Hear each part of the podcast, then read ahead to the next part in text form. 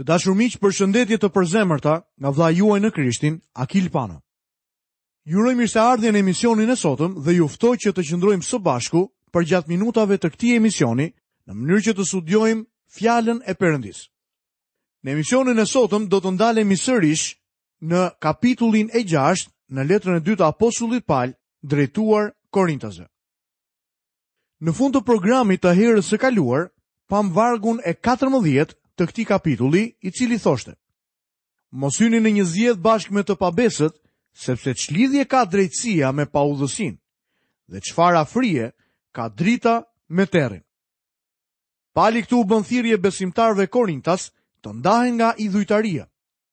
Ata duhet të largohen nga mëkatet e mishit. Ata duhet të ndahen nga natyra materialiste që është në botë. Sot ne përdorim termin besimtarë të ndarë mënjanë. Shumë njerëz e konsiderojnë veten e tyre si besimtarë që janë veçuar për Zotin për të bërë një jetë të shenjtë. Por ata jetojnë në botë më shumë se kushdo tjetër. Martesa gjithashtu lidh në një zgjedhë dy njerëz së bashku. Një jobesimtar dhe një besimtar nuk duhet të martohen kurrsesi me njëri-tjetrin. Një kafshë e pastër dhe një kafshë e papastër nuk duhet të lidhen bashkë për të lëruar tokën. Një fëmijë i Perëndisë dhe një fëmijë i djallit nuk mund të vihen në një zgjedhë bashkë dhe të arrijnë qëllimet e tyre të jetës. Një shembull tjetër i një marrëdhënieje të tillë është identifikimi me një institucion. Nëse një njeri është profesor në një shkollë teologjike dhe ai është konservativ dhe mban fort të vërtetat e mëdha të Biblës, ndërsa shkolla është liberale, atëherë ky njeri duhet të largohet nga ajo shkollë sepse ai merr një rrogë aty dhe identifikohet me punën dhe organizatën e tyre. Ai është i lidhur me ta në një rrugë mjaft të qartë dhe të vërtetë. Ai është i lidhur pabarazisht me jobesimtarët. Imagjinoni sot, sikur në qytetin tuaj të vijë një ungjilltar i cili organizon takime për një ose dy javë. Edhe pse përdor disa metoda që ti nuk mund të jesh dakord me to, ai predikon Krishtin dhe Zoti e bekon shërbesën e tij. Por a mund të bashkohesh ti me të? Doktor Megi, kur ishte pastor në Nashville të Tenesisë, tregon këtë histori. Në qytetin e tij erdhi një ungjilltar. Pa i thënë asnjë fjalë asnjërit, ai ngriti tendën e tij në mes të qytetit dhe filloi shërbesën. Pastaj erdhi për të kërkuar ndihmën e pastorëve të qytetit. Doktor Megi thotë që ishte disi ngurrues për shkak të etikës së këtij njeriu. Ky njeri ishte si i krisur në shumë mënyra dhe megjithatë mbajti shërbesat më të pazakonta. Ai ndalonte në mes të predikimit për shkak se kishte harruar të bënte një lajmërim apo të merrte ofertën. Pastori baptist i qytetit dhe doktor Megi ishin miq të mirë dhe të dy ishin konservatorë, kështu që folën me njëri tjetrin. Megi tha që nuk i kishte pëlqyer aspak metodat e ungjilltarit. por të dy së bashku vendosën që gjithsesi ta mbështesnin. Ai qëndroi aty për disa javë dhe shumë njerëz u shpëtuan përmes shërbesës së tij. Megi në rrëfimin e tij vijon. Unë nuk do të isha bashkuar asnjëherë me të në ndonjë përkushtim të gjatë për shkak të metodave të tij, por e mbështeta për periudhën kohore që ishte atje. Ne nuk ishim të lidhur nën të njëjtën zgjedhë. Vini re se çfarë bëri apostulli Pal. Sa herë që hynte në një qytet të ri, ai shkonte në fillim në sinagogë. A mund të imagjinoni dot ndonjë vend ku mund të kishte më shumë kundërshtim sesa në sinagogë? Por megjithatë, Pali filloi nga sinagoga. Unë nuk po e dënoj atë për këtë sepse Zoti e drejtoi në këtë mënyrë. Por nëse Pali do të ishte bashkuar me një nga këto sinagoga, dhe do të ishte bërë rabi në njërën prej tyre, atëherë ai do të kishte qëndruar atje dhe ajo mund të konsiderohej si një zgjedhë. Pali po flet për hyrje në zgjedhë për një kohë të gjatë si martesa, marrëdhëniet e punës apo anëtarësia në një kishë. Ky varg nuk i referohet mbështetjes time për një kryqëzatë ungjilltare. Shumë njerëz nuk i kryejnë shërbesat si unë dhe disa prej tyre janë më të suksesshëm se unë. Kjo ndoshta vjen sepse ata kanë të drejtë dhe unë e kam gabim. Sigurisht unë mendoj se jam në rregull dhe mendoj të vazhdoj kështu siç jam. Por kjo nuk ka për të më ndaluar të kem miqësi me njerëz që i bëjnë gjërat paksa ndryshe ndërkohë që predikojmë të njëjtin ungjill si unë dhe besojnë këta njerëz se Bibla është fjala e Zotit. Pali po flet për vënie në zgjedhë me jobesimtarët, ashtu siç e sqaron edhe në vargun vijues. Lexojmë poshtë në vargun e 15. Dhe ç'harmoni ka Krishti me Belialin, ose ç'pjesë ka besimtari me jobesimtarin. Unë nuk kam pjesë me ta, nuk bashkohem me ta për asgjë afatgjatë dhe besoj që edhe ju të mos e bëni këtë gjë. Le të mos e ngatërrojmë këtë me marrëdhënien tonë me besimtarët e tjerë që i bëjnë gjërat pak më ndryshe nga ne. Lexojmë vargun e 16. Dhe çfarë marrëveshje ka tempulli i Perëndisë me idhujt, sepse ju jeni tempulli i Perëndisë së gjallë. Sikurse tha Perëndia, unë do të banoj në mes tyre dhe do të ec ndër ta. Do të jem Perëndia e tyre dhe ata do të jenë populli im. Pali tani përmend specifikisht idhujtarinë. Tempulli i Zotit nuk ka asnjë marrëveshje me idhujt. Ku është tempulli i Zotit? Sot tempulli i Zotit është trupi njerëzor i çdo besimtari. Ne jemi tempulli i frymës së shenjtë. Ai në të cilin banon Zoti nuk mund të bëjë marrëveshje me idhujt. Lexojmë vargun 17 dhe 18. Prandaj, dilni nga mesi i tyre, dhe ndahuni prej tyre, thotë Zoti, dhe mos prekni asgjë të ndyrë, dhe unë do t'ju pranoj. Dhe do të jem si një atë për ju, dhe do të jeni për mua si bijtë e bijat, thotë Zoti i plotfuqishëm. Pali po u bën thirrje të krishterëve për ndarje dhe pastrim. Ata nuk duhet të bëjnë marrëveshje me idhujtarinë. Të krishterët duhet të ndahen, nga natyra materialiste dhe shpirti i kësaj bote që mund të zvarritet dhe të hyjë në kishat dhe në jetët e besimtarëve. Një besimtar, madje nuk duhet të prekë asnjë gjë të papastër. Në librin e Jozueut, ne mësuam se Jozueu dhe Izraelitët e morën qytetin e fortifikuar të Jerikos me anë të besimit, Gjithsesi, Akani mori gjërat e mallkuara. Izraeli kishte prekur atë që Zoti e kishte deklaruar të papastër. Pastaj ata u ngjitën në qytetin e vogël të Ait me besim të madh, sepse ata ishin të sigurt për një fitore të lehtë, por Jozueu dhe Izraeli u mundën në këtë qytet. Perëndia kërkoi një ndarje nga gjërat e botës dhe gjërat e papastra. Shumë të krishterë e konsiderojnë veten e tyre të ndarë. Ata nuk do të mendonin për të bërë diçka, por megjithatë bëjnë thashetheme dhe kanë gjuhët më të ndyra, pa e kuptuar se kjo është e papastër. Ata jepen pas modës së fundit ose pas lakmisë dhe e konsiderojnë veten e tyre të ndarë nga bota. Nuk dua t'i gjykoj. Ne nuk duhet ta gjykojmë njëri-tjetrin, por megjithatë, mendoj se duhet t'i theksoj këto gjëra në mënyrë që të jemi shumë të kujdesshëm. Është mjaft e lehtë të flasësh për gjërat e Zotit, të shpallësh Zotin Jezu Krisht si shpëtimtar, të thuash me gojë që e do atë dhe të mos jesh i ndarë akoma nga bota. Kur doktor Megi hyri në shërbesë, zëvendëspresidenti i bankës ku punonte e thirri në zyrën e tij. Ai ishte një njeri që nuk besonte tek Perëndia. Kur mori vesh që Megi do të linte punën për të studiuar për në shërbesë, e thirri në zyrën e tij dhe i tha, dua të të tregoj një histori, dhe ja se çfarë ishte historia e treguar prej këtij drejtori banke. Gjatë luftës së parë botërore, ai kishte punuar në një bankë tjetër dhe me të punonte edhe një person tjetër që dukej si një njeri, jo i perëndishëm. Gjithsesi, Ky njeri ishte një solist në një kishë. Një ditë, drejtori i bankës shkoi në një kishë dhe dëgjoi bashkëpunëtorin e tij të këndonte solo këngën Jezusi më kënaq. Një zonjë në kishën e tij tha, Çfarë solo e mrekullueshme! Dukej sikur vinte nga qielli. Meqenëse e njihte këtë njeri në punë, e dinte që Jezusi nuk e kënaqte. Një ditë e njëjta grua erdhi në bankë për të kryer disa veprime. Arkëtari që kishte qenë solist në kishë po përpiqej të nxirrte nga printeri një faturë, por letra mbaroi dhe filloi të nxirrte nga goja një mal me mallkime. Gruaja u shokua nga kjo gjë dhe pyeti mikun tim, Kush është ai njeri? Ai iu përgjigj, Është i njëjti zë që dëgjove të dielën që shkoi dhe mendove se vinte nga qielli. Drejtori i bankës ishte skeptik për shkak se kishte parë një të krishterë që shtirej dhe këndonte këngë për Jezusin, kur në të vërtetë Jezusi nuk kishte impakt në jetën e tij. Ai e dinte se ai njeri ishte imoral, pianec dhe një njeri me gjuhë të ndyrë. Ai e dinte që një i krishterë nuk duhet të ishte kështu dhe kjo e bënte atë një individ cinik. Ai më preku në gjunjë dhe më tha, mos u bëj një predikues nëse nuk e ke me gjithë mend këtë punë. Nuk kam për ta harruar kurrë këtë, thotë në historinë e tij, doktor Megi. Perëndia thotë, dilni nga mesi i tyre, ndahuni prej tyre dhe mos prekni asgjë të ndyrë. Mos u bëj i krishterë nëse nuk e ke me gjithë mend. Mos thoni që Jezusi ju kënaq, kur në të vërtetë ai nuk ju kënaq.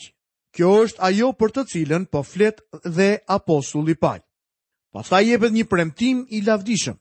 Unë do t'ju pranoj dhe do të jem si një atë për ju, dhe ju do të jeni për mua si bijtë e bijat, thotë Zoti i plotfuqishëm. Ju do të jeni bij dhe bija që i sillni lavdi dhe nder Perëndisë. Një herë një burrë më tregoi për djalin e tij që ishte larguar për të shkuar në shkollë të lartë. Djali ishte bërë armik me të atin.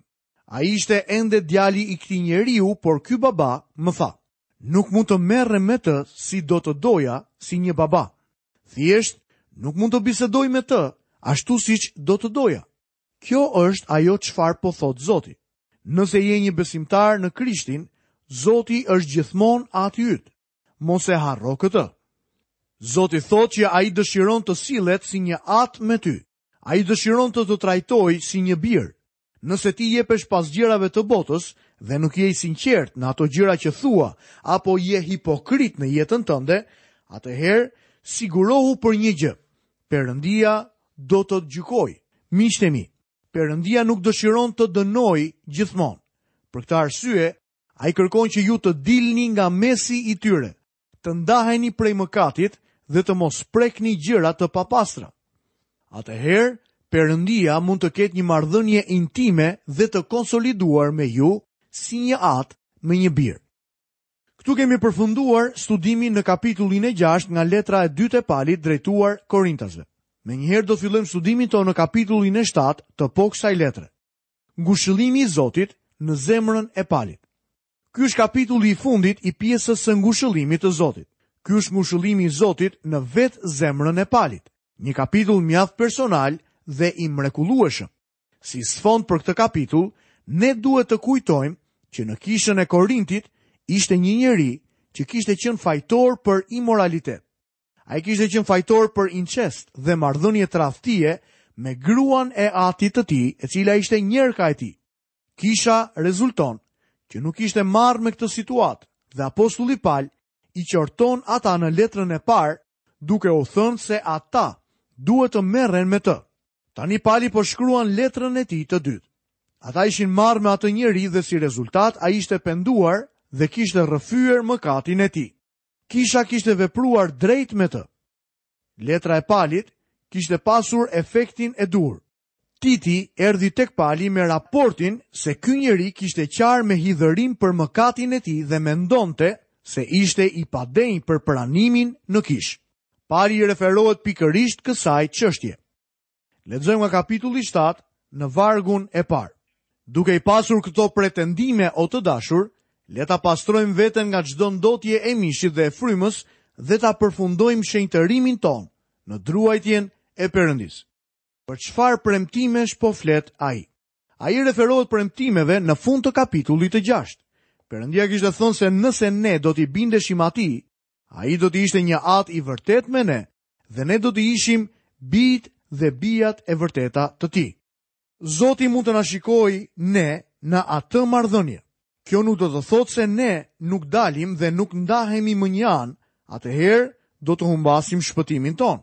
Kjo do të thotë se nëse nuk jetojmë një jetë të pastër, Perëndia nuk mund të na trajtojë si një atë fëmijët e tij. Unë ju dhash një ilustrim të një babai që tha për të birin që ishte larguar. Do të doja ta trajtoja atë si birin tim, por nuk mundem. Ai është larguar prej meje dhe ndodhet në vështirësi dhe në probleme. Ai nuk më duron dot, kështu që unë nuk mund të jem një atë me të. Ai ishte ati i birit, por ai nuk mund të sillej si i tillë. Perëndia dëshiron të na trajtojë si një atë. Shumë prej nesh nuk e dinë se çfarë ati të mrekullueshëm që kemi. Ne nuk i japim atij asnjë shans për të qenë një baba i vërtetë për ne. Çfarë mund të bëjmë për ta ndryshuar këtë? Pali na thotë, duke i pasur këto premtime o të dashur, le ta pastrojmë veten. Si mund ta pastrojmë veten? Ne nuk mund ta pastrojmë ndërgjegjen tonë nga faji i mëkatit. Unë nuk jam i aftë të laj njollën e një ndërgjegjeje me faj, por Perëndia e ka bërë këtë përmes vdekjes së Krishtit dhe derdhjes së gjakut të tij. Pasi jemi pastruar nga mëkatet tona me gjakun e Krishtit, zemrat tona kanë nevojë një pastrim ditor nga ndotja e çdo dite. Kur unë pranoj fjallën në besim, unë veproj sipas asaj fjale. Unë pastrohem nga të gjitha ndyrësitë e mishit dhe të frymës. Kjo ishte ajo çfarë tha Jezusi te Gjoni 17 dhe vargu i 17. Shenjtëroji në të vërtetën tënde. Fjala jote është e vërteta. Kallëpi më i mirë i sapunit në botë është fjala e Zotit. Ajo na pastron në të vërtetë. Fryma e shenjtë na aftëson të merremi me mëkatin në jetën tonë. Pali thotë se ne duhet ta pastrojmë veten tonë nga çdo ndotje e mishit dhe e frymës. I gjithë mëkati është i ndyrë në sytë e Zotit. Cili është ndryshimi midis mëkateve të mishit dhe mëkateve të frymës? Mëkatet e mishit janë ato mëkate që kryejmë në trup. Kjo ka të bëjë me epshin, orekset e pafre, pijen, lakmitë, shthurjen e tjerë. Këto janë mëkatet e mishit. Këto janë gjëra të ndyra. Ne duhet të jemi të ndërgjegjshëm për faktin se jetojmë në një botë që ka respekt për mëkatet e mishit. Një ilustrim i kësaj është sjellja e botës me pijet, pornografinë dhe imoralitetin. Shumë njerëz sot thonë se alkooli është i mirë. Ai reklamohet mirë në mediat e sotme. Po kështu, edhe seksi. Para disa ditësh, dëgjova një reklamë që thoshte, treguesi i një njeriu të pjekur, të ndjeshëm dhe të suksesshëm, është nëse ai është i aftë të pijë pije alkoolike. Çfarë propagande? Çfarë ndryshimi i pikëpamjeve të njerëzve? Asnjë politikan nuk ka bërë një punë më të mirë dhe më të plotë se kjo. Interesi për pijet ndryshon shumë pikëpamje. Por prisni një minutë. Çfarë thotë Bibla për këtë? Dëgjoni Habakukun, kapitulli i dytë dhe vargu i 15. Mjerë ai që i jep të pijë të afërmit të tij, duke i dhënë shishen e vet dhe e deh për të parë lakuriqësinë e tij. Perëndia pastë mëshirë nëse ofroni pije në shtëpinë tuaj dhe tundoni të afërmin tuaj për të pirë. Fjala e Zotit e qorton këtë gjë. Një ilustrim tjetër i ndyrësisë së mishit janë stendat e librave të mbushura plot me literaturë pornografike të ndyrë, që është më se e kuptueshme që lavdëron trupin njerëzor dhe seksin. Në këtë shoqëri tolerante, fjala e Zotit i dënon edhe mëkatet e mishit. Nëse je një i krishterë dhe i toleron ato, atëherë Perëndia nuk mund të sillet me ty si një atë. Edhe pse ti faktikisht mund të jesh biri i tij, ai nuk mund të të trajtojë ty si një atë trajton një bir, edhe pse do të donte ta bënte këtë gjë. Pali përmend gjithashtu edhe ndyrësitë e mishit. Cilat janë disa nga këto mëkate?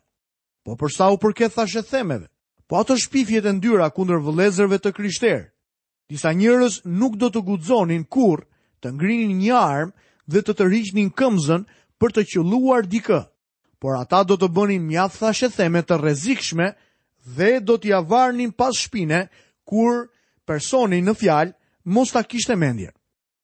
Disa shenjtorë në kishat tona e përfshijnë veten në praktika të tilla. Mëkatet e fshehta të frymës janë kotësia dhe krenaria. Mendjemadhësia, arroganca dhe lakmia janë mëkate të ndyra të frymës. Shumë njerëz nëpër kisha jetojnë nëpërmjet një serie të gjatë mosesh.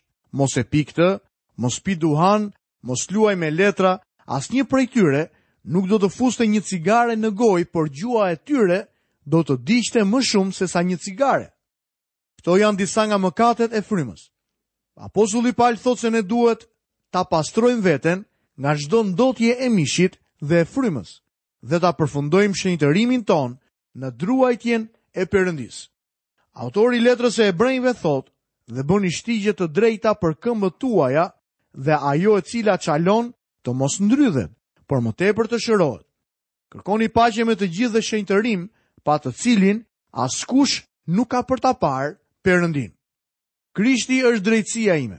Krishti është shenjtëria ime. Problemi është se jeta ime dhe përsosmëria e tij janë shumë larg nga njëra-tjetra. Perëndia thotë se ne Nuk duhet të kemi një boshllëk kaq të madh. Ai do që ne të jemi të shenjtë në jetën tonë. Lexojmë më poshtë në vargun e dytë. Na pranoni, ne nuk i kemi bërë padrejtësi askujt, nuk kemi korruptuar askënd, nuk ia hodhëm askujt. Pali i siguron ata se ai nuk kishte korruptuar askënd, ai nuk ia kishte hedhur askujt, ai nuk kishte ardhur tek ata për të marrë oferta për projekte të ndryshme. Do të doja që shumë të krishterë të thoshnin të njëjtën gjë sot. Mendoj se ndonjëherë gjërat nuk bëhen ashtu siç duhen nga dhjakët në kishat tona. Mendoj se nëse një person bën një dhurim për një qëllim të caktuar, atëherë është detyra e pleqve të sigurojnë që ato para të përdoren për atë qëllim specifik. Ata nuk kanë lirinë të thonë, ne po i vendosim këto para në fondin e përgjithshëm, ose mendojmë se do të ishte më e rëndësishme t'i përdornim këto para për të paguar borxhet e ndërtesës sonë. Pali mund t'i siguronte ata që nuk i kishte bërë askujt padrejtësi. Ai nuk kishte korruptuar askënd dhe nuk ia kishte hedhur askujt. Lexojmë më poshtë në vargun e tretë. Këtë nuk e them për dënim, sepse që më parë ju thashë se jeni në zemrat tona për të vdekur bashkë, për të jetuar bashkë. Apostulli i donte këta të krishterë. Ata ishin vazhdimisht në zemrën e tij.